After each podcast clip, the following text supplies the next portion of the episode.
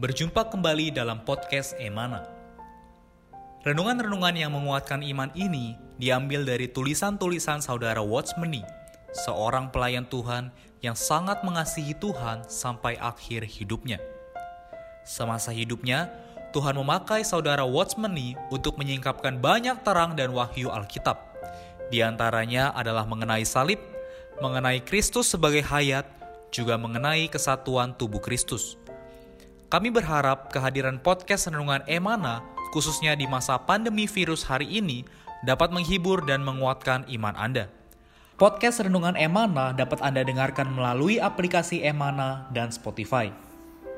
Anda dapat menghubungi kami pada nomor hotline Emana di 0851 5677 2397. Sekali lagi Anda dapat menghubungi kami pada nomor hotline Emana di 0851 5677 2397. Buku-buku saudara Watchmeni secara lengkap dapat Anda peroleh di toko buku Yasmerin, Tokopedia, Google Playbook, atau di website resmi yasmerin.com. Selamat menikmati seri renungan hari ini. Salam damai sejahtera, saudara-saudari sekalian. Saudara-saudari pendengar podcast Emana, syukur kepada Tuhan kita bisa kembali lagi membahas renungan-renungan firman Tuhan hari ini. Di Tuhan dengan saya sendiri, Yoki, kita akan sama-sama membahas satu topik dengan judul Waktu bersama Allah adalah waktu yang terhitung. Baik, untuk itu kita langsung saja berbincang bersama narasumber kita, Saudara Irfan. Halo, Saudara ya. Irfan, ya. bagaimana kabarnya? Halo, puji Tuhan, kabar baik. Ya, benar sekali. Pada kesempatan ini kita akan membahas topik dan saya merasa topik ini adalah topik yang sangat berhubungan erat dengan kehidupan kita sebagai manusia. Ya, setiap manusia yang hidup di bumi ini itu memiliki waktu yang sama, yakni 24 jam sehari. Namun hasil atau produktivitas setiap manusia bisa berbeda-beda. Nah, waktu-waktu kita di bumi, menurut cerita dan wahyu yang ada di dalam Alkitab, ternyata adalah ada waktu yang terhitung di hadapan Allah dan ada waktu yang tidak terhitung di hadapannya.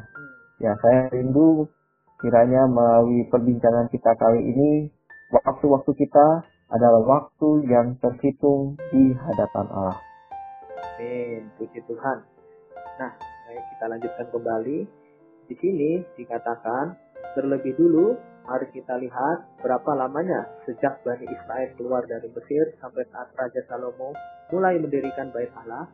Ini dapat kita ketahui melalui kisah para rasul 13 ayat 18 sampai 22 yang mengatakan 40 tahun lamanya ia bersabar terhadap tingkah laku mereka di padang gurun dan setelah membinasakan tujuh bangsa di tanah Kanaan, ia membagi-bagikan tanah itu kepada mereka untuk menjadi warisan mereka selama kira-kira 450 tahun. Sesudah itu, ia memberikan mereka hakim-hakim sampai pada zaman Nabi Samuel. Kemudian mereka meminta seorang raja dan Allah memberikan kepada mereka Saul anak Kis dari suku Benyamin. 40 tahun lamanya, setelah Saul disingkirkan, Allah mengangkat Daud menjadi raja mereka. Daud menjadi raja 40 tahun lamanya 2 Samuel 5 ayat 4. Jadi berapa tahun lamanya mulai mereka keluar dari Mesir sampai saat Salomo mulai mendirikan bait Allah. Salomo mulai mendirikan bait Allah pada tahun keempat pemerintahannya. Jadi 40 tahun ditambah 450 tahun ditambah dua kali 40 tahun dan ditambah lagi 3 tahun sebelum Salomo mendirikan bait Allah sama dengan 573 tahun. Tetapi dalam satu Raja-Raja keempat satu tercatat demikian. Dan terjadilah pada tahun ke-480 sesudah orang Israel keluar dari tanah Mesir. Pada tahun keempat sesudah Salomo menjadi raja atas Israel dalam bulan Si, yakni bulan yang kedua, maka Salomo mulai mendirikan rumah bagi Tuhan. Ini tercatat 480 tahun, bukan 573 tahun. Ada selisih 90 tahun. Nah, Ko Irfan, mengapakah hitungan kedua kitab itu bisa terpaut 93 tahun? Iya, baik. Jadi kita bisa melihat ini atau kita bisa beda 93 tahun itu di kitab Hakim-Hakim. Uh, di sana kita bisa nampak satu kenyataan, yaitu dalam kurun waktu tersebut Bani Israel itu berkali-kali ditindas oleh bangsa lain sehingga mereka kehilangan kebebasan mereka. Jadi uh, masa penganiayaan pertama bagi Bani Israel itu bisa kita lihat di Hakim-Hakim 3 ayat 8. Itu menceritakan mereka bangsa Israel 8 tahun dianiaya oleh Raja Aram Mesopotamia. Kemudian di Hakim Hakim 3 ayat 14 mereka 18 tahun dianiaya oleh Raja Moab. Kemudian Hakim-Hakim 4 ayat 2 sampai 3 20 tahun dianiaya oleh Raja Kanaan. Setelah itu, Hakim-Hakim 6 ayat 1 dianiaya 7 tahun oleh orang Midian, dan di Hakim-Hakim 13 ayat 1, selama 40 tahun mereka dianiaya oleh orang Filistin. Jadi kalau dihitung 5 kali penganiayaan ini, 8 tambah 18, tambah 20, tambah 7, tambah 40. Nah, ini tepat 93 tahun. Jadi 93 tahun itu terhitung dalam kisah para rasul. Karena Paulus mengisahkan sejarah mereka. Sedang kitab satu raja-raja menitik beratkan keadaan mereka di hadapan Allah. Sebab itu 93 tahun tidak terhitung. Yang terhitung hanya 480 tahun. Nah, melalui cerita ini, kiranya kita dapat melihat bahwa Allah benar-benar menghitung waktu-waktu kita di hadapannya. Amin. Ya, benar sekali ya. Di sini juga kita lanjutkan.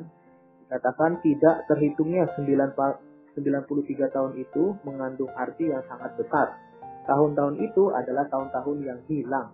Oh, ketika orang Israel kehilangan kebebasan mereka, mereka mengabdi kepada orang kafir dan tidak mempunyai hakim sendiri. Maka tahun-tahun mereka tidaklah terhitung di hadapan Allah. Saudara-saudari, kita harus menghitung hari-hari kita. Jika kita beroleh selamat sampai sekarang, berapa banyakkah hari-hari kita yang terhitung oleh Allah? Boleh jadi Anda sudah 8 atau 10 tahun lamanya percaya kepada Tuhan. Namun, dalam tahun-tahun itu, berapa banyak yang telah Anda lalui dengan sembarangan dan sia-sia? Berapa banyak waktu yang terhilang? Oh, hari-hari yang kita sia-siakan itu terlalu banyak. Oh, hari-hari yang tanpa persekutuan dengan Allah adalah hari-hari yang tidak terhitung oleh Allah. Saudara-saudari, di antara kita tidak ada seorang pun yang boleh menyia-nyiakan waktunya. Nah, bagaimana Saudara Ivan pernyataan ini? Ya, jadi pernyataan tadi sungguh adalah benar ya. Saya ingat firman Tuhan di Efesus pasal 5 ayat 15 dan 16. Di sana dikatakan, karena itu, perhatikanlah dengan saksama bagaimana kamu hidup. Janganlah seperti orang bebal, tetapi seperti orang arif. Dan pergunakanlah waktu yang ada, karena hari-hari ini adalah jahat. Kata pergunakanlah waktu yang ada pada ayat ini dalam bahasa aslinya bisa juga diterjemahkan sebagai kata tebuslah. Jadi tebuslah waktu yang ada. Bagi kita sebagai kaum beriman, kita perlu menebus waktu kita. Nah, menebus ini adalah dengan mengambil kesempatan untuk hidup dengan arif, hidup di hadapan Allah. Semoga melalui cerita orang Israel ini kita bisa belajar menggunakan waktu-waktu kita dengan bijaksana. Semoga kita memiliki waktu bersama Allah di dalam kehidupan kita setiap hari. Saya rindu kita semua memiliki waktu yang terhitung di hadapan Allah. Kiranya tidak ada satupun waktu kita yang tidak terhitung di hadapan Allah. Hmm. Amin. Puji Tuhan. Ya, terima kasih Saudara Ivan. Itu sangat memberkati seperti dasar firman Tuhan hari ini yaitu dalam Mazmur 90 ayat 12 ajarlah kami menghitung hari-hari kami sedemikian hingga kami beroleh hati yang bijaksana juga dalam Efesus 5 ayat 15 sampai 16 perhatikanlah dengan seksama bagaimana kamu hidup janganlah seperti orang bebal tetapi seperti orang arif dan pergunakanlah waktu yang ada menebus dengan mengambil kesempatan untuk hidup dengan arif, hidup di hadapan Allah. Inilah yang disebut ambil kesempatan. Puji Tuhan. Terima kasih Saudara Ivan atas waktunya, atas persekutuannya. Saya ya, minta Saudara, Saudara Ivan bisa menutup dalam doa. Ya, baik. Mari kita berdoa. Tuhan Yesus, terima kasih Tuhan. Terima kasih untuk kesempatan yang kau berikan kepada kami. Kami bisa melihat bagaimana orang Israel terhitung di hadapanmu, masa-masa mereka juga masa-masa yang tidak terhitung di hadapanmu. Tuhan, kami mau masa-masa kami ketika kami hidup di dunia ini benar-benar memiliki waktu yang terhitung di hadapanmu. Jangan biarkan Tuhan satu hari pun oh, kami, waktu-waktu kami tidak terhitung di hadapanmu. Kami mau menjadi orang yang arif, kami tidak mau menjadi orang yang bodoh. Tuhan, biarlah hari-hari kami bukanlah hari-hari yang jahat, melainkan kami bisa mengambil kesempatan um, memiliki waktu bersama dengan Dikau. Kami rindu Tuhan, waktu-waktu kami terhitung di hadapanmu. Belas kasihani kami Tuhan, bersama-sama dengan semua yang mendengarkan firman-Mu pada kesempatan ini. Kami bisa mendapatkan kebijaksanaan yang berasal daripadamu. Kami bisa menggunakan waktu searif mungkin, seefektif mungkin. Oh, waktu yang terhitung di hadapanmu, oh Tuhan, ternilai di hadapanmu. Berkati kami Tuhan, di dalam namamu kami berdoa. Amin. Amin. Sekian renungan firman Tuhan hari ini. Tuhan Yesus memberkati. Amin. Sekian podcast Renungan Emana hari ini. Kami akan kembali pada seri berikutnya. Anugerah dari Tuhan Yesus Kristus dan kasih Allah dan persekutuan Roh Kudus menyertai kita semua.